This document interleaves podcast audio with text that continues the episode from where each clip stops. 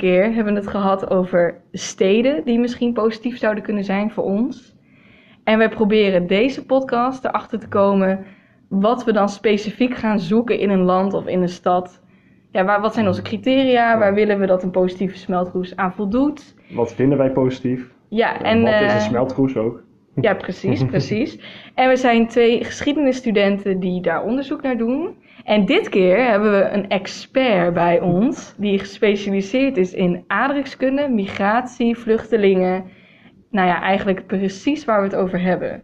Dus we zijn Mhm. nieuwsgierig naar wat hij te vertellen heeft. Dan moet ik mezelf even voorstellen, denk ik. Zeker. Eh, mijn naam is Jamie Blaney Davidson. Ik vind het lastig om mezelf een expert te noemen, maar goed, eh, jullie hebben me zo ingeschaald, dus dan doe ik net alsof, eh, alsof dat zo is. Zeker. Ehm, ik ben lerarenopleider eh, bij de lerarenopleiding aardrijkskunde op de Han in Nijmegen. En daarnaast heb ik veel met vluchtelingen gewerkt. Ehm, ik geef met name sociaal-geografische vakken zoals culturele en politieke geografie. Ehm, en begeleid ook mensen in de minor. Stimuleer dat ze naar het buitenland gaan. En ik doe ook nog heel veel op het gebied van werkplek leren. Perfect. Perfect, ja. Heel goed. Oké, Ehm, ja, We- hoe gaan we beginnen? Ehm, ja, we hebben onderzoek gedaan naar wat is een smeltkroes nou precies. Volgens aardrijkskunde is dat al als er een plek is met drie verschillende afkomsten. We hadden aardrijkskundeboeken bekeken. eh buitenland van eh 6 VWO stond het in, Mhm. eh, dacht ik. En daar Ja. stond in dat Brazilië echt een smeltkroes heeft. En daar stond dat de afkomsten waren drie verschillende afkomsten. Dus ja, daar hebben we dan gehaald. Van één persoon ook. Dus Ja, één iemand heeft al een Afrikaanse afkomst, een, een, Mhm. inheemse afkomst en een witte afkomst. Blank, ja. Ja. Caucasian. en dat is al heel interessant, want dat maakt het al... Die mensen zijn op zichzelf bijna al een smeltkroes. Ja, En dat is natuurlijk eh, bijna bij iedereen zo. Iedereen heeft wel een soort van migratieachtergrond. Ik zelf heb eh, Duitse genen en eh, Griekse genen. Terwijl je zou dat niet per se verwachten. Zo heeft iedereen dat wel. mhm. Maar wij zoeken denk ik wel heel erg naar een plek waar mensen van verschillende afkomsten ja. eerste dan- generatie ook zijn. En specifiek ook ehm, die culturen met zich meenemen. Ja, Eh. verschillende religies en inderdaad culturen. Dus we hebben ook al gekeken, zou, zou dat in Europa op zichzelf al zijn? Toen keken we naar Noord, West, Zuid en Midden, Midden ja, en en eh, Oost. Europa. Ja, van eh, hoe zien we al een groot verschil tussen de Europeanen? En dan zou je op zich kunnen zeggen dat als je een Noord-Europeaan, een Zuid-Europeaan, een West-Europeaan en een Ja, Oost-Europeaan bij elkaar zet, dan is het bijna al smeltkroes. Ja, Door hoe verschillend we toch al zijn. Ja, Maar het liefste zouden we natuurlijk ook nog een paar andere continenten erbij willen hebben qua mensen. Want dat maakt het nog ja, maakt diverser. het heel divers en dat is natuurlijk eh, het mooiste voor als een, bijvoorbeeld een vluchteling eh, nou inderdaad naar een land wil toegaan en denkt, hé, hey, eh, dat land is wel mooi, daar kan ik wel gewoon goed terechtkomen. Ja, als er alleen maar eh, Europeanen zitten, is dat misschien nog wel een beetje moeilijkheid. Dus Ja. in die zin.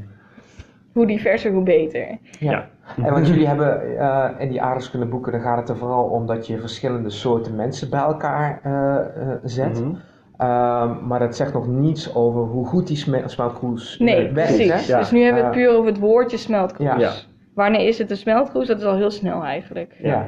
Je- dan is de vraag inderdaad, Mark van Berkel zou bijvoorbeeld zeggen... Nou, Nederland is al een smeltkroes op zichzelf door hoe onze afkomst al is. Van de Caucasian mensen. Ja. Maar wij hebben liever toch ook wel dan inderdaad vluchtelingen erbij. En dat kan van alle soorten Ja. landen zijn, Ja, maakt precies. niet uit. En ehm, inderdaad, derde generatie Marokkanen of Turken zou ook al heel interessant zijn. Of Surinamers, Molukkers. Ja, dus Alles bij migratie in elkaar. brede, brede zin en Ja. specifiek ook nog vluchtelingen willen jullie erbij nemen. Ja, ja. hoe meer, hoe beter Zeker. eigenlijk. en een, het positieve, daar hebben we natuurlijk ook nog naar gekeken. We kwamen op het woord welwillend.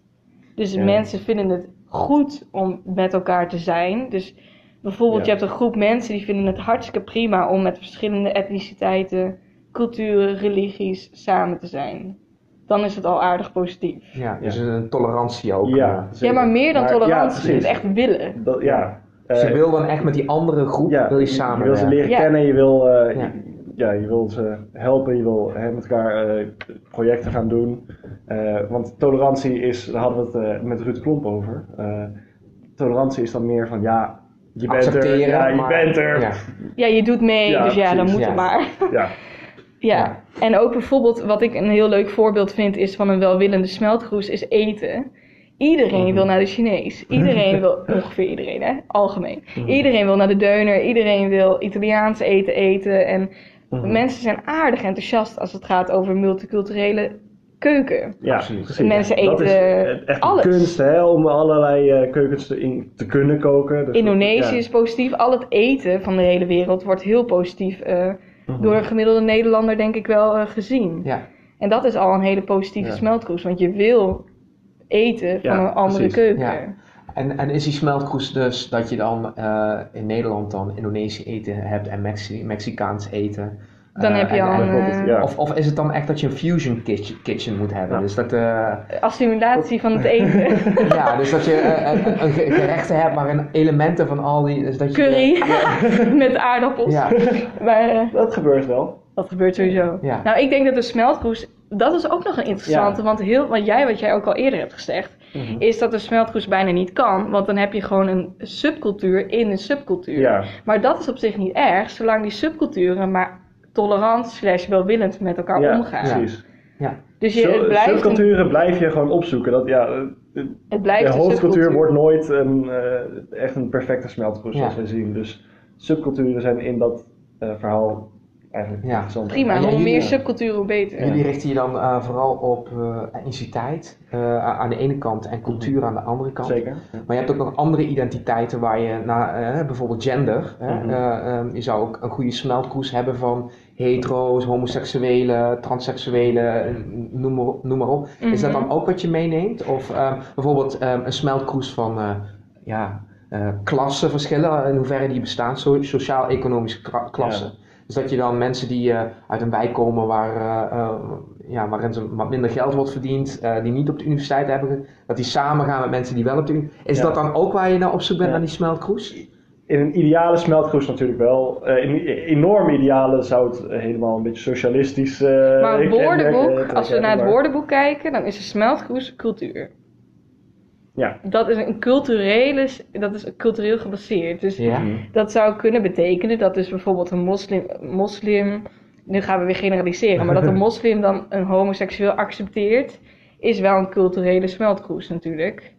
Maar het gaat dan niet per se over politiek of over economische zaken, maar echt culturele zaken. Maar Natuurlijk komt politiek en economie komt natuurlijk ook wel in je cultuur voort. Het is niet dat eh, dat, dat niet deel is van je cultuur. En heeft invloed op de Ja. positieve, Mhm. positieve kant van de smeltkroes. Want als alleen maar arme mensen een migratieachtergrond hebben en de rijke mensen zijn allemaal Ja, dus het, Caucasian. ha- het haakt wel op elkaar. het Ja, haakt het op haakt elkaar, elkaar in, maar het is niet hetzelfde per se. Ja. Nee. Sylvia zei ehm, dat er een plek is in eh, Amsterdam. Ja, een van die oude verlaten fabrieken die eh, mooi opgeknapt zijn. Ja, dat daar eh, projecten door Ke- Kiteman, door de artiest Kiteman, dan projecten opgericht zijn om dat wat jij net zei, allemaal te combineren. Dus Ja. migratie, vluchtelingen, genders, eh, seksualiteit, eh, rijk, Ja, arm, Precies, ja. allemaal met subsidie, één groot project. Kunst, maar ook alle media Mhm, en kunst, Ja. mediums. Film, beeldhouwer, schilder, allemaal van dat soort dingen. Het wordt allemaal gewoon in één plek gegooid, zeg maar. Dat, En allemaal samenwerken, iedereen met Mhm. elkaar.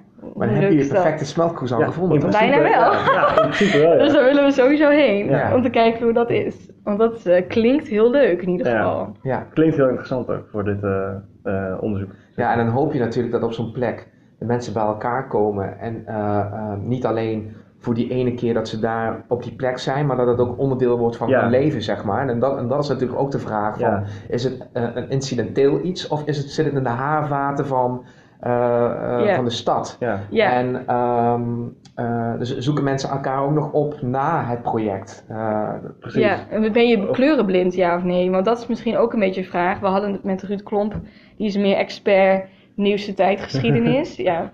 En die zei, het valt wel op in Nederland dat als er iets gebeurt qua multiculturele dingen op tv of gender, zoals met Nikki Tutorials, dat ze dan transgender blijkt te zijn, dat dat dan toch wel een hele ophef blijkt te zijn. Ja, dat is dan toch wel Dus echt zo groot, normaal heel is het groot niet. nieuws. Ja. ja. Het wordt wel heel groot gemaakt, terwijl je zou hopen dat dat ja, tot want als nu... het niet zo zou zijn, dan zou het Ja. geen nieuws zijn. En dat is Ja, dan precies, beter ja, ja. eigenlijk. Dus Ja. dan, dan is het genormaliseerd en dan is het positief, Ja. zou je zeggen. Dus Ja, zo positief is het nog niet dat iemand Het is, dus ja, het is nog wel een, een een topic. ja. Ja, En gevoelig ook, want er is heel veel haat ook naar die mensen toe. ja. Mhm. En daar, dan, is het, dan zit je wel nog met die medialaag eroverheen. Hè? Namelijk dat ehm, eh, media eh, de neiging heeft om extreme, extreme meningen, eh, om die eh, Ja, natuurlijk. luider te laten horen dan eh, genuanceerde meningen. Dus in hoeverre praat je dan op het moment dat het heel erg de aandacht hebt over, Ja. over wat de majority vindt, of wat de minority eh, spannend Ja, ja. vindt, zeg maar. Hè? Dus Ja, snap je een beetje? ja, ja, Want dat was ook wel interessant, want we hebben ook met Kees Jan gesproken. En die is een ex- eh, expert vluchtelingen slash communicatie met de internationale communicatie. En hij zei dat het beter is voor ons onderzoek om ons te focussen op landelijke systemen. Mhm. Terwijl Ruud Klomp zei het is beter om ons te focussen op, eh, me- op hoe noem je dat? metropolen, Micro- eh, metropolen, ja. ja. Ja. Van- Want dan hoef je geen rekening te houden met per se eh, massanieuws, Mhm. massapolitiek, nationaliteiten, Mhm. gevoelens. ja. En kan je je gaan focussen op hoe zijn nou mensen op straat daadwerkelijk ja, met bezig elkaar. met zulke soort dingen. Dat, eh, hoe leeft dat onder de mensen zelf? Terwijl bij eh Kees Jan die zei dus van, ja, als je naar de politiek kijkt, kun je ook zien hoe de mensen denken natuurlijk. criminaliteit. Mhm. Hoe wordt daarmee omgegaan? Hoe wordt er omgegaan in de, in de politiek met mensen? Mhm. Hoe wit is een Mhm. Tweede Kamer bijvoorbeeld? En dat is Ja. natuurlijk ook allemaal dat wel een punt. Maar ja, eh, wat Ruud zei is volgens mij inderdaad interessanter voor dit onderwerp. Om te kijken hoe de mensen zelf echt aan het werk gaan. Want het kan wel zo zijn dat eh, een land eh, een heel- PVV ja, stemt. heel erg PVV stemt, alleen wel heel goed met elkaar omgaat. Eh, ja, Hoeft niet, mag wel. Want binnen, ja, binnen de. PVV heb je ook, ehm, ehm, ehm, eh, je hebt ook een gedeelte van de mensen die hierop stemmen, die zijn niet per se tegen migratie. nou, precies. Mhm. Of gender dingen. Ja, of die, Ja. die, die hebben dan eh, andere redenen waarom ze op die partij stemmen. En die krijgen dan ja, in die stem gratis eigenlijk dat anti-migratiestandpunt mee. Ja. Maar het is niet per se eh, waar zij eh, voor staan. Dus eh, ook dat is nog een beetje Ja, precies. een, een vraagstuk. Dat je dan iedereen over één kam scheert. Dat Ja. eh, ja. Het is een beetje ingewikkeld, want in de En, en eerste... in heel veel, sorry dat ik je onderbreek, maar in heel veel gevallen hebben die mensen ook nog wel een, een terechte reden om eh, angst te hebben voor migranten, omdat het Mhm. eh, over het algemeen laaggeschoolde ehm, eh, mensen zijn, of eh, in, in heel veel gevallen ook niet laaggeschoold, maar ze komen wel meestal aan de onderkant van het sociaal-economisch systeem Ja. terecht. Eh, en die concurreren dus direct met jou. Precies. Ja, als je uit, die, eh, uit een wat eh, zwakkere sociaal-economische wijk komt. Dus dan is het terecht, ja, jouw, jouw levensonderhoud komt onder druk te Ja, staan. en dat is natuurlijk ook niet heel erg positief als smeltkroes. Dat, eh, nee, dat je moet nee. concurreren zo met elkaar. Dat, Ja. daar, Of daar, dat je elkaar zo ziet. Ja. En niet als iets. Ja, positiefs, niet als een belasting. Ze zien die mensen dus niet als extra belastingbetalers, maar als concurrent voor hun baan. Ja, Ja. In ieder geval, dat denk ik dan. Hè? Bij, dat denken wij bij de PVV-stemmer. Maar dat is een generalisatie. Maar ja. wat wel interessant is, is dat we ook onderzoek doen dus naar landen. Welke Mhm. landen zouden nou positief zijn?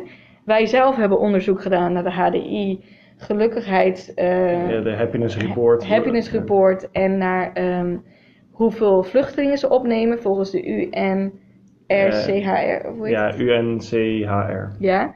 En ehm, hoeveel verschillende religies er nou in een land zitten en etniciteiten. Daar hebben we naar gekeken. En daar kwam eh, Canada heel positief uit, Duitsland ehm, en Engeland. Mhm. En eh, Zweden. In Zweden, ja. Maar Zweden is op dit moment weer heel negatief in het nieuws. Ja. Maar, en, en Londen trouwens, Engeland ook. ja, het is een beetje... Brexit, Ja. Ja. De anti-hoofddoeken mensen. ja. Dus dat is een beetje ingewikkeld. En toen gingen we vragen aan heel veel mensen: wat vinden jullie? Wat Mhm. denken jullie? En ik hoor heel veel van mensen, inderdaad, Engeland, New York komt heel vaak naar boven, Ja. Los Angeles, Scandinavië. ja.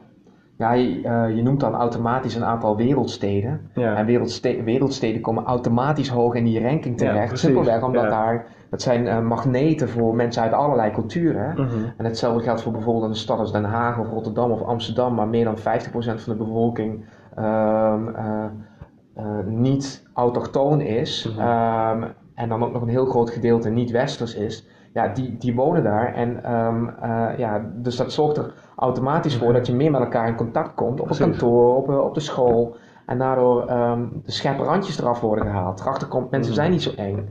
eh, als je denkt. Je ziet dat juist in ehm, eh, perifere gebieden, Mhm. eh, daar leeft de angst Het voor platteland, de ander. platteland Amerika, zoiets. Dat is Ja, Nou, Friesland. eh, Friesland. Ehm, Bijvoorbeeld. ja, die, die, die, die is daar veel groter, simpelweg Mhm. omdat ja, die, die, kennen die, die kennen die Marokkanen en Turken en, eh, en Syriërs helemaal niet. Omdat die, niet, ja. die wonen niet bij hun, dus ze komen daar ook niet mee in contact.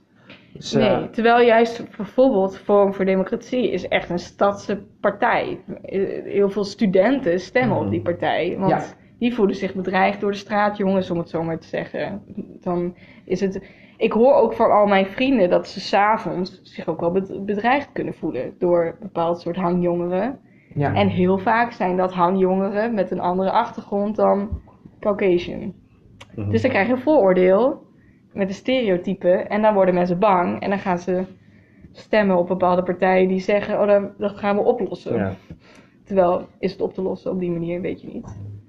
Waar heeft het mee te maken? Heeft het te maken met de jongens zelf of heeft het te maken met hoeveel geld ze hebben, of ze kunnen studeren, ja of nee? Uit welke wijk komen ze? ja, Misschien zijn het gewoon hele goede vrienden die altijd alles samen doen. Dat- Ja, uit, uit onderzoek blijkt dat ehm, de criminaliteit onder bijvoorbeeld Marokkanen, die hoog, hoger is dan onder ehm, eh, de, eh, mensen met een Nederlandse eh, achtergrond, ja. die is hoger. Maar dat heeft niet zozeer ermee te maken dat ze Marokkaan zijn, Nou, precies. maar ja. dat ze uit een wijk komen waar überhaupt al veel meer crimina- criminaliteit is. Mhm. Dus de Nederlanders die daar uit die wijk komen, die vertonen hetzelfde criminele Precies, gedrag. Ja. Ja, als ze er überhaupt Ja. al wonen. Dat ze natuurlijk hele wijken met... ja. eh, dat is ook natuurlijk vroeger gewoon bepaald. maar ehm, om weer terug te gaan Ja, op die sorry. landen... Ja. Nee, maakt niet uit. Heel Altijd vaak leuk zo'n klein zijwegje. Ja. We, er is ook al best wel vaak gezegd dat we naar de geschiedenis moeten gaan kijken. Van hoe Mhm. hebben landen dit vroeger gedaan? Met, eh, want de vluchtelingenstroom is natuurlijk altijd al een ding geweest. Vooral ook de Joodse diaspora. Hoe is daarmee omgegaan? Want eh Kees Jan zei dat Duitsland aardig... Er zijn plekken geweest in Duitsland Ja. die aardig tolerant waren naar Joodse mensen. Terwijl Spanje, hard gezegd, ze er allemaal heeft Ja, uitgegooid. En dat samen met de moslims natuurlijk. Dus Spanje is tegenwoordig een vrij wit land geworden. Mhm. Dus dat, die valt ook al een beetje af. Italië is natuurlijk een grensgebied van de vluchtelingenstroom. Dus er zijn er gewoon heel veel. En een arm land die ze niet zo goed kan opvangen. Ook door de corruptie. Want daar is letterlijk een anticorruptiepartij. Ja. Omdat het daar zo'n big ding is. Dus daar lopen ze gewoon heel veel op straat en zo. Dus het is nogal een aanwezig dingetje. Element, ja. Element. De, de, Het straatbeeld. Mhm. het straat, ze staan gewoon op straat, ja. Ja. Dus het valt op dat heel vaak mensen on- eh, Scandinavische landen opnoemen of Duitsland. Ja. Sommige Nederland, maar anderen weer heel helemaal niet. Die denken Hmm. Nederland is Ja, heel slecht. Precies, ja. Ja. Wat denk jij? Ja, wat ik, wat ik denk is dat het eh, heel moeilijk, eh, op, op het moment dat je dus over een land praat, over Nederland, ja, dan generaliseer je eh, gigantisch. Want Ja, het is wel precies. heel erg anders eh, of je in Amsterdam woont of dat je in, eh in Kerkrade woont. Hè? Eh, er zitten Mhm. enorme verschillen in. Mhm. Eh, of, ehm, en dan heb ik het over eh, eh, spreiding tussen Zuid en Noord, maar je hebt ook spreiding tussen ehm, eh, de wat meer centrale stad. Hè? Dus als je kijkt in Nijmegen bijvoorbeeld, dat eh, wijken eh, zoals Bottendaal, eh, die zijn best wel etnisch divers. Ehm, maar iedereen ervaart dat als een hele prettige eh, meng, menggroep. Nou, Dukenburg is totaal weer anders. Dus Mhm. ja, het is een beetje de vraag Ja, op welke schaal wil je kijken. En ook uit die Ehm, vraag je natuurlijk dat.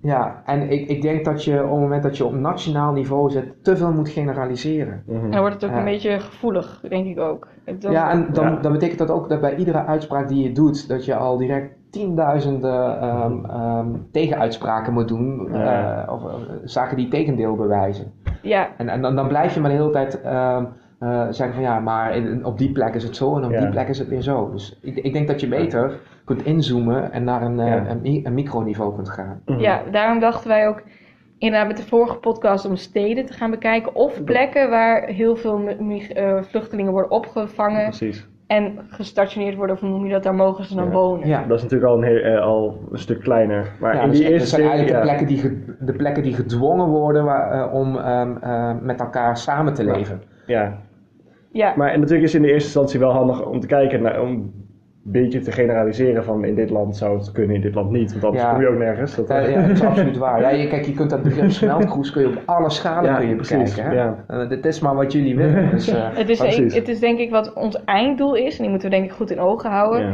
Hoe leren we nou van een groep, en die kan klein, die kan groot zijn, die goed met elkaar omgaat, hoe kunnen we dat nou ja. implanteren? Ja, op Van hoe, groter niveau, hoe leren ja, we daarvan? Ja, ik, ik denk dan, dan gaat het er vooral om van, om, te, om te pinpointen welke dingen doen zij, Mhm. ja, welke acties ondernemen zij, welk gedrag vertonen zij, ehm, waardoor eh, dit werkt. zo'n cohesie Dus ontstaat. ik, denk, ik denk dat daar, daarin ook wel interessant is als je inderdaad naar eh, een, een klas gaat kijken bijvoorbeeld. En naar een stad om te kijken, in de klas doen ze dit en dit. Ik- Iedereen kent elkaar natuurlijk hè, en eh, de docent die stuurt daar zo en daar zo'n beetje Ja. aan. Ze zitten maar al gecategoriseerd dus Precies. op niveau. Dat is Ja. wel een heel ding. Zeker. Maar op een, op een stadniveau, hoe pakken ze dat, dat dan aan? Ja. Dat, dat is natuurlijk heel anders. Dat- Ja. Maar dan krijg je ook meteen het klassenprobleem. ja. En ook ehm, bijvoorbeeld het probleem met gender en seksualiteit. Want ik heb een gesprek gehad met een man die homoseksueel is. En die was, ik weet gewoon wel dat hij zeer links progressief is. Maar hij had toch een soort innerlijk gevoel bij, een anti-gevoel bij moslimuitingen. Dus hoofddoeken, boerka's, Mhm. een moskee. Mhm. En dat hij zich er toch niet prettig bij voelde. En al helemaal als hij dus inderdaad van die Marokkaanse jongens op straat ziet lopen. Dat hij dan nooit een andere man zijn hand vast zou houden. Uit angst om in elkaar geslagen te worden. Ja. En dat is natuurlijk al probleem. Ja. Dat is geen positieve smeltkroes. Als, als een homoseksueel zich zo in gevaar voelt. En die jongens voelen zich waarschijnlijk ook de hele tijd in gevaar. want die exact. worden continu benadeeld door de politie of door wie dan ook Ja. Mhm. krijgen minder makkelijk een baan. Dus allebei zitten in een probleem. Ja. Door elkaar ook deels. ja. En dat moet je natuurlijk zien te voorkomen in een positieve smeltkroes. Ja. Ja, dat is moeilijk. ja. Want, want dat is Ja. het tegenovergestelde van die smeltkroes. Hè. Dus een perfecte smeltkroes waarin iedereen eh, fijn met elkaar Ja, omgaat. Dus eh, de andere kant is een totaal gepolariseerde Mhm. eh, eh, plek. Dat is, dat is het tegenovergestelde eigenlijk van wat je... Precies. Ja. Maar dan zit je heel erg op normen en waarden. Want ik had met hem belandde ik ook in een rare discussie over hoofddoeken. Dat hij vanuit zijn perspectief is het een teken inderdaad van ik ben anti dit, dit, dit en dit. Want daar staat het geloof voor, volgens hem. Dus als jullie dat dragen, zeggen jullie eigenlijk indirect ik ben tegen jou. Tegen jou als mens. Ik wil Mhm. niet dat jij bestaat, flikker maar van een gebouw af. Zo voelde het bij hem, omdat dat gebeurt bijvoorbeeld in Saoedi-Arabië. Ja. Alleen, ik probeerde een beetje duidelijk te krijgen natuurlijk aan hem. Niet elke moslim is een Saoedi- Saoedi-achtig persoon, natuurlijk. En Nee, wat ze zijn is niet allemaal Nee, ze zijn niet Nee, allemaal nee. fundamentalisten. En wat is de consequentie als je een hoofddoek verbiedt? Kunnen die mensen dan nog wel naar school? Kunnen die mensen dan Want dan jij hen ook heel erg. Ja, precies. Is het dan Ja. niet eh, de pot verwijt de ketel? Hè? In de Ja. zin van dat jij niet ehm, hand in hand eh, met, eh, eh, eh, mag lopen over de straat, zeg je tegen de ander eigenlijk, jij mag geen hoofddoek dragen. Ja. Hoe ingewikkeld is dat? En Ja, toen raakte ja. ik echt helemaal even in de kronkel. Want ik dacht, shit. Want ik vind niet persoonlijk dan dat je hoofddoeken kan verbieden. Want dan zeg je eigenlijk tegen die vrouwen: ga maar naar de hel, ons interesseert het niet. Weet je wel? Want dat Mhm. geloven zij. Je bent, eh, wij willen dat jij tegen je eigen God ingaat. Maar ik wil ook niet homo's niet hand in hand op straat kunnen lopen. Ja, en, en dan heb je Ja. eigenlijk nodig waar je toen straks in het begin die welwillendheid naar Ja. elkaar toe. Precies. Ja, Dus precies. daar Het wel op worden, welwillend. Ja. Dat is dan een heel belangrijk aspect erin. Ja. Maar hoe zorg je ervoor dat, en, dat zo'n man zich niet zo fundamenteel ehm, aangevallen voelt door een symbool, terwijl diegene misschien dat wel helemaal niet bedoelt ja. Met het uiten van dat symbool? Maar is, het dan niet, is het dan niet mooi om op al die verschillende schalen te gaan, ki- gaan kijken wat eh, mensen daarmee doen? Dus bijvoorbeeld Ja. dat je op, op dat schoolniveau eens met een directeur gaat praten en eh, dat je aan he- hem vraagt of haar. Ehm, of iets ertussenin. Hè, om het, ja. of, of erbuiten, dat kan ook nog. Van, eh, ja, hoe, hoe, hoe probeer jij dat eh, te stimuleren? Ja, dat, dat men hier op deze school prettig met elkaar omgaat. Hoe gaat het op klasniveau, maar ook op hogere schalen? Dat je naar een burgemeester of wethouder ehm, Mhm. eh, gaat en vraagt van hoe breng jij bevolkingsgroepen bij elkaar? En zorg je Ja. voor welwillendheid eh, bij elkaar. En dat kun je dus zelfs nog op een nationaal niveau of Europees niveau. Of, ja. Je kan het trapje op. Ja, precies. Ja. Dat, dat is Maar inderdaad- wat ook nog een. oh, sorry. maar ik, ik, denk- ik denk, ik, denk ehm, ik schat zo in dat eh, de pr- principes die je hanteert op, eh, op het laagste niveau, dat die, eh, dat die ook op het hoogste niveau ja, ze, gelden. ze gelden wel, maar het wordt heel anders toegepast. Ja, Want ja. het is onmogelijk om wat je bij een klas hanteert, te doen bij een hele... ja, maar daar gelden andere organisatorische structuren. Ja, precies. Want- Dus dan, Wat ook nog heel, wat is heel, vind ik heel interessant, maar dat is heel ingewikkeld. Ik heb een vriend, een vriend en die, of nou meerdere trouwens, en die zijn dus inderdaad heel links, heel tolerant. En dan krijg je dat woordje tolerant weer. Maar het probleem, ben ik achtergekomen, dat tolerantie is eigenlijk een soort paradox. Want je kan niet continu voor iedereen tolerant zijn. Ja, Want dan zou je dus ook tolerant zijn Ja. voor een extremistische moslim, extremistische christen. Dan ben je dus eigenlijk anti-homo, want die zijn dat. Maar je wil ook tolerant zijn voor de homo. Maar dan kan je niet meer tolerant zijn Ja, voor de dat is extremistische dat is moslim. inderdaad- en, en een, eh, Dus het is een je- je- paradox. Je, kunt, je kunt tolerant zijn behalve voor één ding en dat is intolerantie.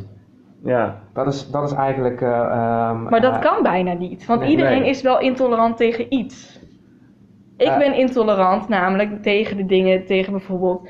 Wat ik heel erg niet zo goed tegen kan, zijn bepaalde eh, seksistische dingen. Zoals omdat het dichter bij ja, mijn maar hart ligt. seksisme, Ja. seksisme is al intolerantie. Ja, maar wie bepaalt dat? Eh, ja, dan, dan moet je op, ja, dan, dan moet je op je persoonlijke niveau moet je dat eh, eh, Ja, bepalen. Dus je, da- dan kom je eigenlijk normen en waardenpakket eh, kom je, En ethiek Ja. en, en, en ja, het is een ingewikkelde... Dus dat, dat, dat, dat is ook niet iets wat je zeg maar op, op stadsniveau kunt, of- Nee, of, of, op wijkniveau kunt bepalen. Dat is Maar- echt iets eh, eh, ja, waar je zelf... Je, ik, Maar- ik denk dat het ook goed is om jezelf daarin te trainen om, eh, om tolerant te zijn. En, en, en bewust te zijn van je eigen valkuilen op het moment dat je het over andere groepen hebt. En, Maar zoiets kan zich natuurlijk wel op stadsniveau uiten. Als er bepaalde groepen zijn, zo in een stad, organisaties, weet ik wat, dan komen samen in een kerkje, dan gaan ze zeggen wij haten vrouwen. Dan, en de eh, stad die doet daar niks tegen, die, zei- die bevordert het alleen maar. Dan kan je natuurlijk wel zeggen dat dat eh, op stadsniveau wordt eh, geregeld. ja. Eh, ik ben even kwijt hoe die inhaakt op... eh, ja, ja, ja. De, eh, ja, ik ben Ik weet ook niet meer wat ik net zei, dus ja. terugluisteren. De, het probleem waar ik denk ik, en waarom ik dit, dit ook zei, ik vind het heel buiten dat het heel interessant is om over na te denken, is dat we, en dat weet ik ook toen al op het moment dat ik dacht ik wil deze documentaire maken, besefte ik meteen al dat je dan tegen een bepaalde muur aan gaat lopen, Mhm. namelijk wie bepaalt de regels van normen en waarden en wat is goed en wat is slecht. Ja. Want als je echt gelooft, echt, echt gelooft dat de hemel en de hel bestaat. En jij zegt dat als je bijvoorbeeld homoseksueel bent, beland je in de hel. En dat wil je natuurlijk niet, dat iemand in de hel Mhm. belandt. Dus dan ga je tegen diegene zeggen, pas op. Want als je je zo en zo gedraagt, beland je in de hel. En dat wil je toch niet? Dus ga je normaal gedragen. Mhm. Dat idee. Ben ik dan degene om te zeggen tegen die persoon, dat is intolerant. Dat- Of is diegene mensen aan het beschermen voor de hel. Dat is waar Ja. Koens Henskens het ook over had met die eh, Jehovah-getuigen. Dat ze, heel veel mensen zeggen, oh, ik zo'n hekel aan, de hele tijd aan de deur. Maar die proberen jou natuurlijk gewoon... Te beschermen. Ja, precies. Die willen Ja. niet dat jij in de hel Dat komt. Dus dat die heel proberen goed dan... bedoeld. Ja, ja. Maar eh, wat dat betreft, ja, er is geen, er is geen ehm, ehm, United Nations of normen en waarden. Ehm, Nee, dus dat, dat, dat zit echt allemaal op persoonlijk niveau, Mm. waar- waarin je je eigen normen en waardenpakket eh, hanteert. En die, en die normen en waardenpakketten die jij hebt, die botsen soms met normen en waardenpakketten van die een ander heeft. Mhm. En, ehm, En vooral fundamentalisme. Hoe bedoel je dat? Nou, ik denk, dat het, ik denk dat in het algemeen wij wel als mensensoort vinden dat je bijvoorbeeld elkaar niet uit moet schelden. Of dat je niet moet Mhm. slaan. Of dat je wat dan ook allemaal niet moet doen. Dat zijn normen en waarden. Ja. Maar ik denk dat als je dieper gaat graven, dan kan je denk ik niet gaan zeggen dat iedereen hetzelfde vindt over de man-vrouw verhouding. Mhm. Of genderverhoudingen of seksuele verhoudingen. Dat zijn eigenlijk gewoon geloven. Dat is niet meer een norm. Dat kan je niet iemand aanleren per se.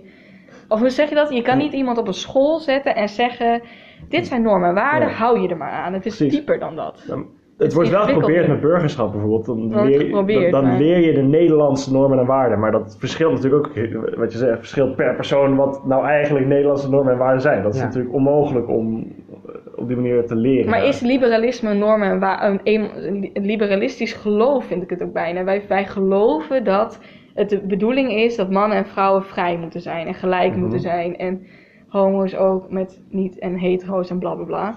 Maar dat is eigenlijk een soort geloof dat we hebben.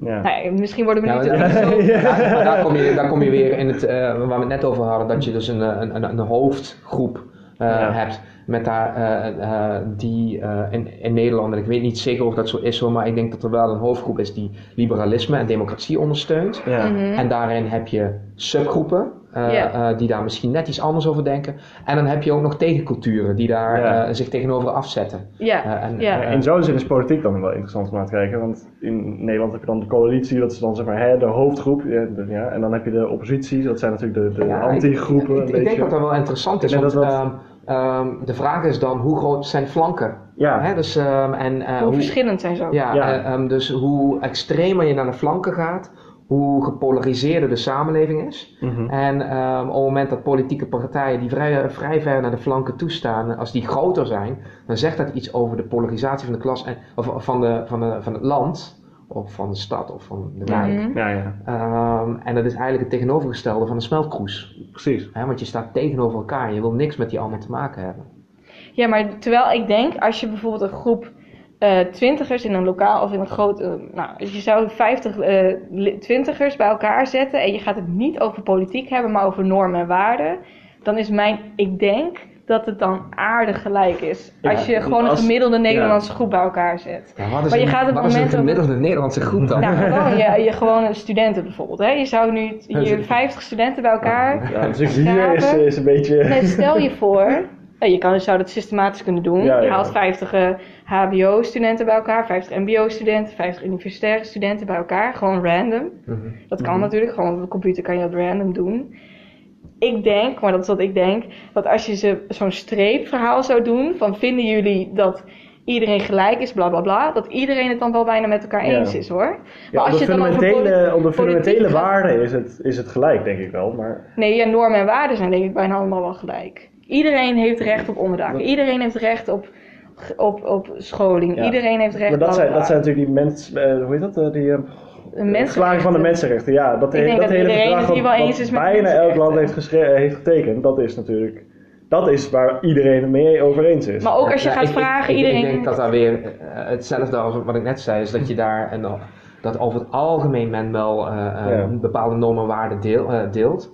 Eh, maar dat je daar ook weer subculturen die daar Ja, eh, uitzonderingen maken, maar dat je Mhm. ook een, een kleine club hebt die een tegencultuur heeft. Dus van ja, nee, daar ben ik het helemaal niet mee eens. En ik ben Mhm. tegen mensenrechten. ja, Ja. maar ik denk dat dat er maar weinig zijn. Dat zijn er weinig, denk ik. Maar bijvoorbeeld wat ik, wou- wat ik eigenlijk wou zeggen was, dat als je die mensen dus over de streep de hele tijd lo- laat lopen, dan denk je, oh wat interessant, we vinden allemaal hetzelfde, weet je wel. In de, ja, inderdaad, een beetje fundamenteel. Maar dan, als je de vraag zou stellen, ehm, iedereen heeft recht op vrijheid van godsdienst, dat is namelijk ook een grondrecht, Mhm. denk ik dat iedereen over de streep gaat. Maar als je dan vervolgens zou vragen, dus iedereen mag, of de vrouwen mogen zelf bepalen dat ze een boerka bijvoorbeeld dragen, dan krijg je ineens Ja. dat de helft blijft staan bijvoorbeeld en de andere helft over ik, de ik, streep gaat. ik denk, ik denk dat je daar wel iets hebt. Eh, ehm, eh, ik denk dat het eh, eh, politiek inderdaad een, een, een splijtswam is daarin. ja. Mhm. Eh, maar dat het met name over eh, identiteit ook gaat. Hè? Dus die, die, die subonderdelen van Ja. identiteit. Namelijk dat je, eh, als je het hebt over gender, over, over ehm, socio-economische klasse, cultuur, etniciteit. Dat zijn splijtswammen over het algemeen. Ja. Waar mensen tegenover elkaar komen te staan. Precies. ja, maar, maar mensenrechten zijn denk ik, Nederlanders het allemaal in het algemeen wel met elkaar Ja. eens. Gelukkig hoop ik. ik hoop het. Totdat je de verdiepingsvragen gaat stellen. Ja. En dan kom, kijk, kom je dus tegen paradoxen aan. Van, maar Ja. je vindt dit, maar je zegt dit vervolgens. En dan wordt het ingewikkeld. En waar komt dat dan vandaan? Is dat angst? Is dat omdat je dat goed over na hebt gedacht? Of heb je bepaalde boeken gelezen of zo? Dan wordt het wel interessant. Maar we zouden bijvoorbeeld een vragenlijstje kunnen maken. Of zo'n soort rollenspel kunnen doen Ja. met mensen. Om erachter te komen wat mensen nou eigenlijk vinden van elkaar. En hoe En je zegt net studenten. Waarom, eh, waarom kies je voor studenten? Als, eh, Omdat nu gewoon omdat ik het zelf ben. en omdat ik denk dat HBO is samen met niveau 4 MBO is denk ik ongeveer het gemiddelde van, van Nederland. Wat ik nu denk. Oké, dat zou je moeten uitzoeken dan. Ja. Ja, dat weet ik niet, maar dat... Nou, eh, ik, ik, ik zou zeggen dat mensen rond de 18, 20 de meest, meest hebben nagedacht over hun eigen beslissingen. Als je, hè, eh, als je kinderen van zes neemt of zo, die zeggen gewoon na wat hun ouders zeggen of wat een docent zegt of zo. Dat, volgens mij hebben die nog niet echt een eigen mening. En naarmate het, je iets ouder wordt, gaat dat wel beter. En dan, dat ja, hoop je. Ja. En, Eh, en wat bedoel je ermee dat ze. ehm, meer nadenken over hun eigen standpunten. Als je zegt, ik vind niet dat eh, homo's mo- moeten bestaan bijvoorbeeld, dat je ook echt nadenkt van waarom vind ik dat eigenlijk. Mijn- Mijn, neefje van zeven, die heeft echt heel veel mening over allerlei dingen, echt. Hm? En die, die denkt daar ook over na.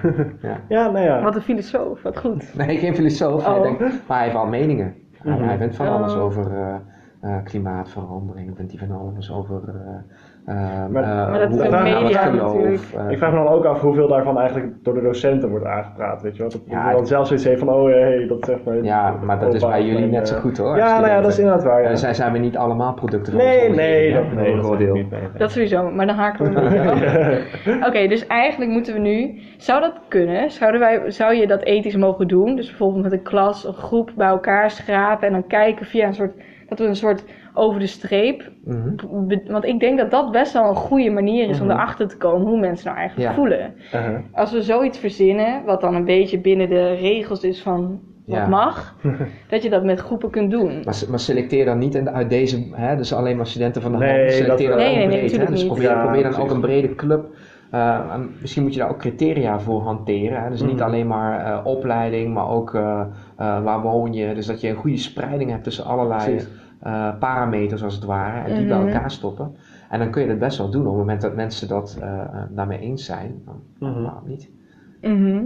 Zeker. Dat is misschien wel een interessante manier om te doen. Maar want, want wat Kees Jan bijvoorbeeld ons, maar daar hadden we zelf ook over nagedacht, maar hij zei echt heel erg specifiek: maak een afvinklijstje van als het een positieve of een welwillende smeltkroes is, als het dit, dit, dit en dit, dit heeft. Waarschijnlijk gaat nooit iets eraan voldoen. Nee, dus maar dan wordt het een het- schaal. ja. Ja, bijna zou, zou, het, zou het niet mooi zijn dat het eindproduct is dat jullie dat afvinklijstje hebben, dus waar, waar het aan moet voldoen? Ja, dat zou ook heel goed kunnen. Dat het proces vooral Ja. het ding is. Mhm. Want ik denk dat, niet. is, dat is eh, inderdaad iets waar wij, over na, waar wij nog inderdaad een beetje over eh, discussiëren. Wat nou precies het, eh, wat we moeten filmen. Dat is, zeg maar. Ja. Nou, wat we, nou vooral ook wat. ehm, wat moeten we vooraf al weten voordat we gaan filmen? Dat is waar we nu erg mee Ja. bezig zijn. Wat willen we al klaar hebben? Wat willen we al geconcretiseerd hebben voordat we een camera op iemands gezicht Ja, zetten? ja. Maar misschien zou, zou het wel mooi zijn om die zoektocht naar het afvinklijstje. Ja, dat klinkt echt. het klinkt heel erg. Ja, ik heb echt eh, een hekel aan afvinklijstjes hoor, maar ik snap wel dat je een aantal, aantal eh, indicatoren wil hebben ehm, Mhm. voor een, eh, een mooie smeltkroes. mhm. Eh, dat je dat lijstje voordat je de camera pakt, ehm, ehm, eh, eh, ja, gaat proberen te onderzoeken of te Ja, achterhalen. Dat, En ja. uiteindelijk met dat lijstje in de hand ehm, ja, eh, situaties gaat filmen. Ja. en, eh, Of een vast interview vragenstukken. Van dat, we, gaan, dat we bepaalde vragen gaan verzinnen die gewoon best wel, wel goed in elkaar zitten om Ja. achter te komen wat mensen nou echt vinden. Ja, ja. En die aan heel veel verschillende mensen stellen. Dat kan Mhm. natuurlijk ook. Dat kan ook, ja. Dus bijvoorbeeld aan een hogeschoolleraar, maar ook aan een, bijvoorbeeld een, weet ik veel, een bouwvakker of zo. Of een docent. Gewoon op een middelbare school. Ja. En leerlingen, jonge Bu- kinderen. Ja, buitenschool denk je misschien ook een beetje, ja. Ja. Dat, eh, Ja, ja, ja. Kunstmensen, muziek. Bankiers, weet ik veel. Mhm. Ja. Bijvoorbeeld. Wat, ik, wat, wat we wel weten, of in ieder geval wat ik weet, is dat, ze, dat er weinig gegevens zijn over hoeveel verschillende culturen nou op sommige plekken zitten. Ja, ja, en het heeft er al mee te maken dat het begrip cultuur heel fuzzy is. precies. Is Ja, cultuur moeilijk- is al een heel erg... eh, Er was... ehm, eh, cultuur is... eh, Dat stond in zo'n boek dat ik had gelezen. Cultuur is eigenlijk helemaal geen maatstaf, want het is eigenlijk... Het is of alles of helemaal niks, of ertussenin. Het Het, is- is...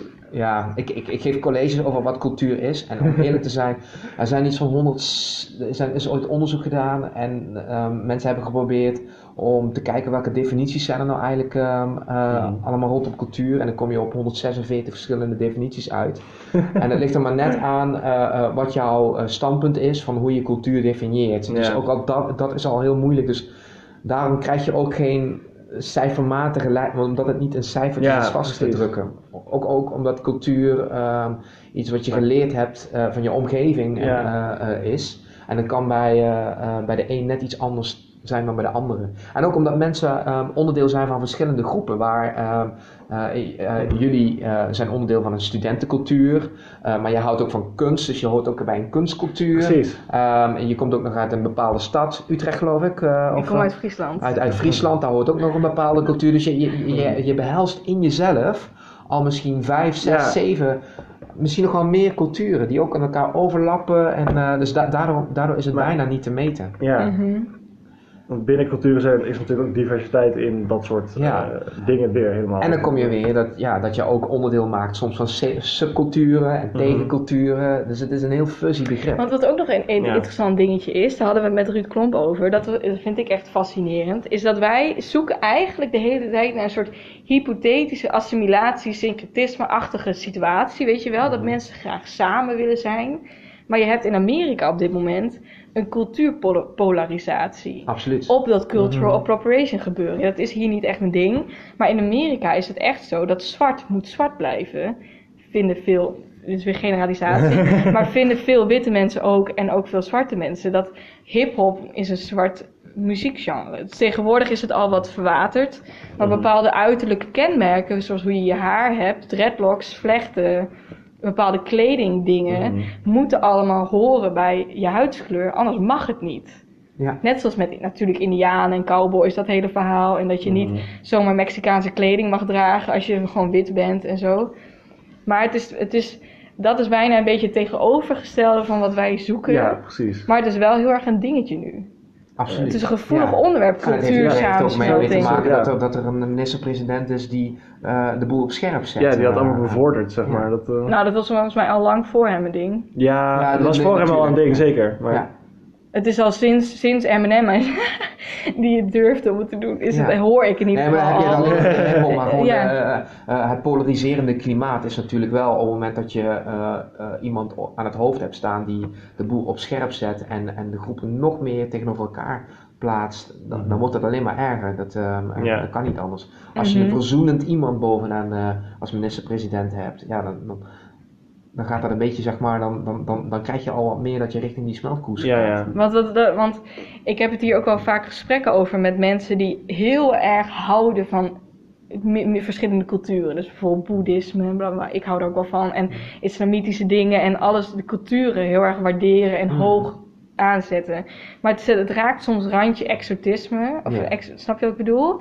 Dat je het gaat verhemelen, dat je denkt, Ja. oh het is zo exotisch. Ja, maar is exotisme. Exotisme. En het is, gaat het randje op van, maar blijf van de cultuur af van andere mensen die je al zo vaak hebt onderdrukt, zogenaamd. Je, je familieleden, je verre familieleden hebben die mensen onderdrukt. Dus jij hebt het recht niet om aan die cultuur te zitten.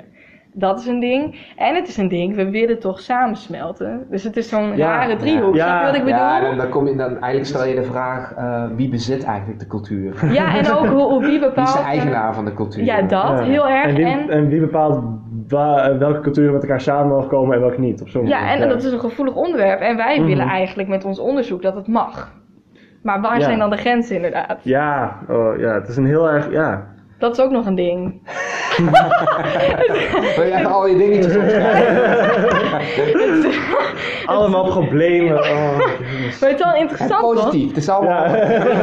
Alle, Maar het is wel een interessant ding. Man, eh, Ik, exotisme vind ik een heel, heel interessant iets. Want ik was er met een jongen aan het daten die Midden-Oosten studies deed. mhm. En ik ben nogal een fan, en dat durf ik gewoon te zeggen, voor eh, Orientalistische schil- schilderkunst. Ja. Maar dat is not done om te zeggen. Dan ben je eigenlijk eh, ben je dan een exotist. Als Zo je is dat, vindt. dan? Dat is, dat is echt. Ik, mijn, ik ken als, als in eh, een Fries of... eh, Nee, dat mag je gewoon niet vinden. Oh, Je mag eigenlijk Orientalistische schilderkunst is negatieve schilderkunst, want dat is stereotyperend op een negatieve manier Oh, volgens heel veel mensen. Maar persoonlijk vind ik het mooi en ik zou het zelf. Ja, het is een ingewikkeld onderwerp. Laten we het er niet Ja. over hebben. Het is een heel ingewikkeld ding. Maar hij zei dus dat mag niet, zulke schilderwerken, want het is stereotyperend. En toen liepen we in een modern museum waar heel veel grote fotografiewerken waren van Afrikaanse mensen in de jungle. Die daar allemaal zo stonden met hun speren en hun, je Mhm. weet wel. Dus toen, en hij zei in de eerste instantie, oh wat mooi. Dan zet je er toch wel een soort van Ja. eervol naar die mensen en hun cultuur. En toen vroeg ik aan hem, maar wat is nou het verschil tussen deze foto's die iedereen waardeert en de schilderwerken van de 18e eeuw van een paar vrouwen die Mhm. rondlopen met Ja. slangen? Ja, en het is, het is ehm, ik denk anders of je de, we, haken, we gaan heel haken heel erg op. maar, eh, ik wil er toch wel weer op ingaan. Eh, het is anders of je het ziet als een, als een eh, een interessant onderzoeksobject. Mhm. Of dat je ehm, de visie die de schilder heeft ondersteunt. Dat zijn twee Ja. andere dingen. Hè? Dus eh, bijvoorbeeld Sovjet-realisme. eh, Mhm. dat kan ik heel erg interessant zijn. En ik, ik kan ehm, eh, de manier waarop dat geschilderd is, kan ik heel erg waarderen. Maar dat, dat zorgt daar niet direct voor dat ik een, achter de Sovjet-propaganda staat. Ja, dat zijn twee verschillende dingen zijn dat. Eh, Hetzelfde als met dat, eh, hoe heet dat, dat museum wat al die nazi-kunstwerken had. eh, oh, dat de kleding ook. ja, Ja. ja. precies. Dat, eh, dat was een museum dat had allerlei nazi-dingen Volgens mij in Brabant was dat Ja. ergens. tentoongesteld. En met het idee van, het is, ehm, nou niet zozeer mooi, maar het is, zeg maar het is interessant, het is mooi om naar te kijken. Het is niet, eh, is ze, steun- ja, ze steunen niet de, de eh, gedachte erachter, natuurlijk. Ja.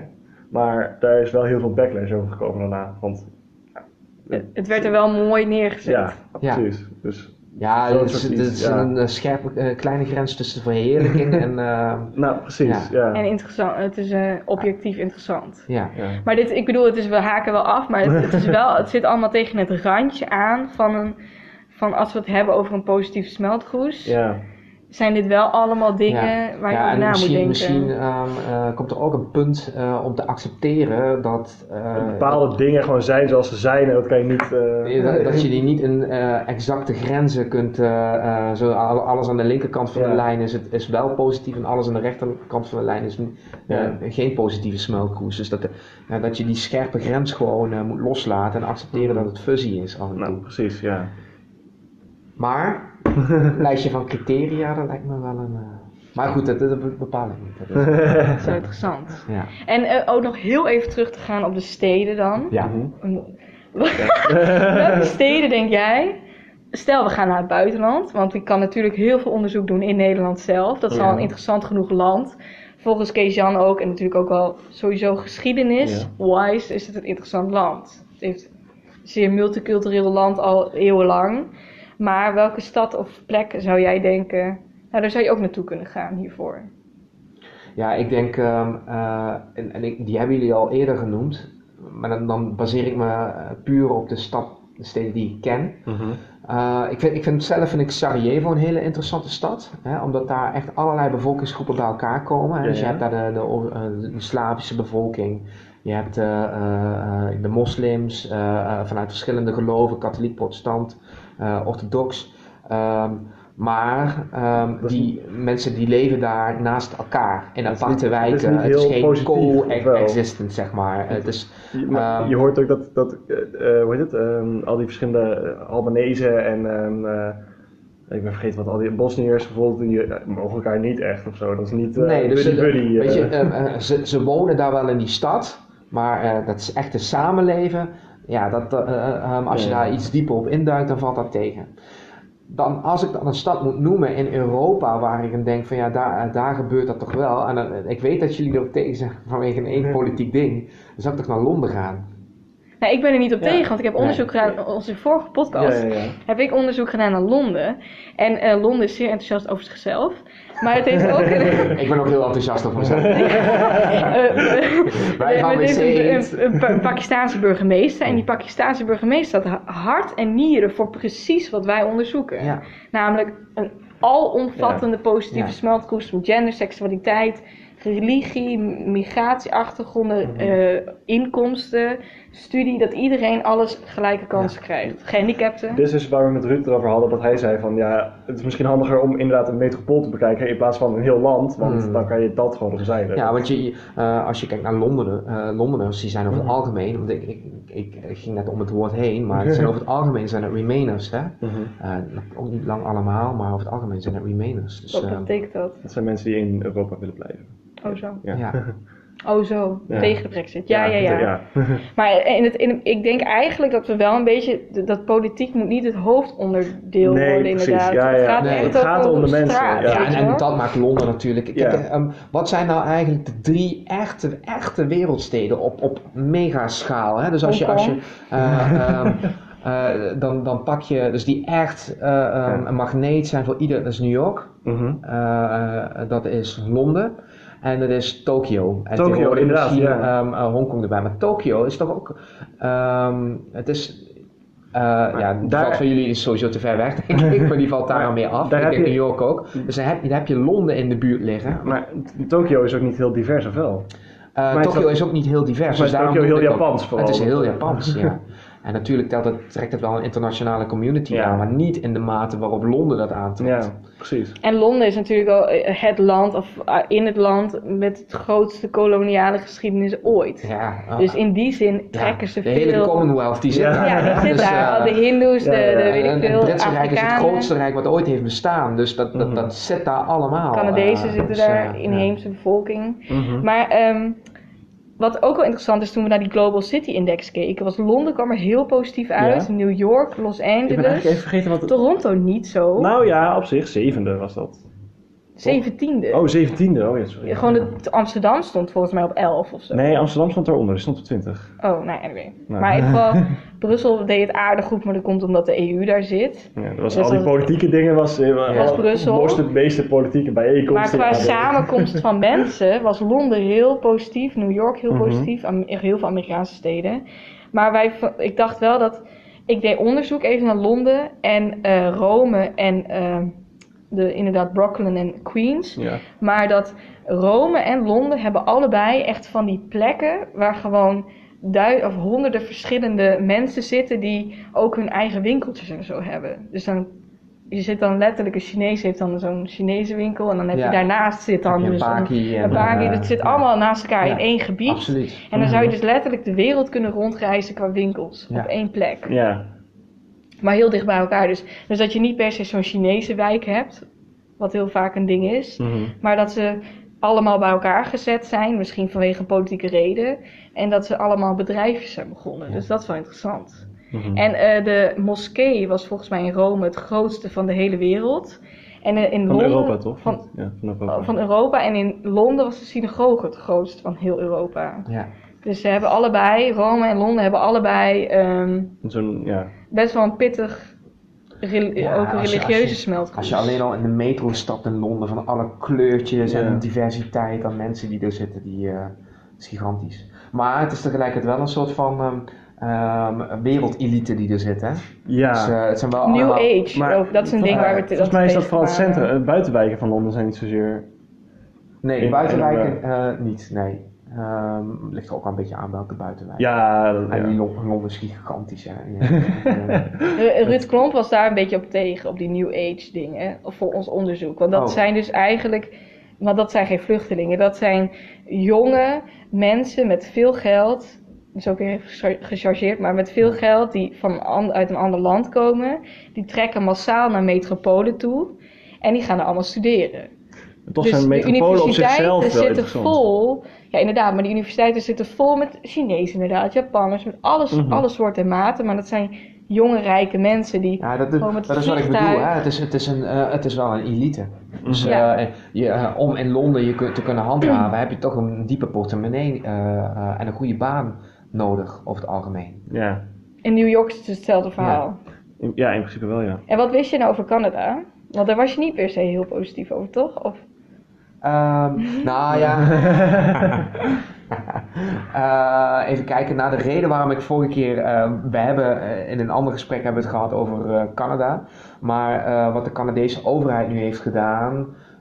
bleek laatst. Het is niet zo heel erg eh, ehm, eh, oud nieuws. Eh, vrij eh, vers van de pers. Mhm. Is dat ehm, zij een soort van eh, organisatie hebben opgericht die gaat bepalen welke media een licentie krijgen om, media, om een mediabedrijf in Canada te zijn. Ja, ja.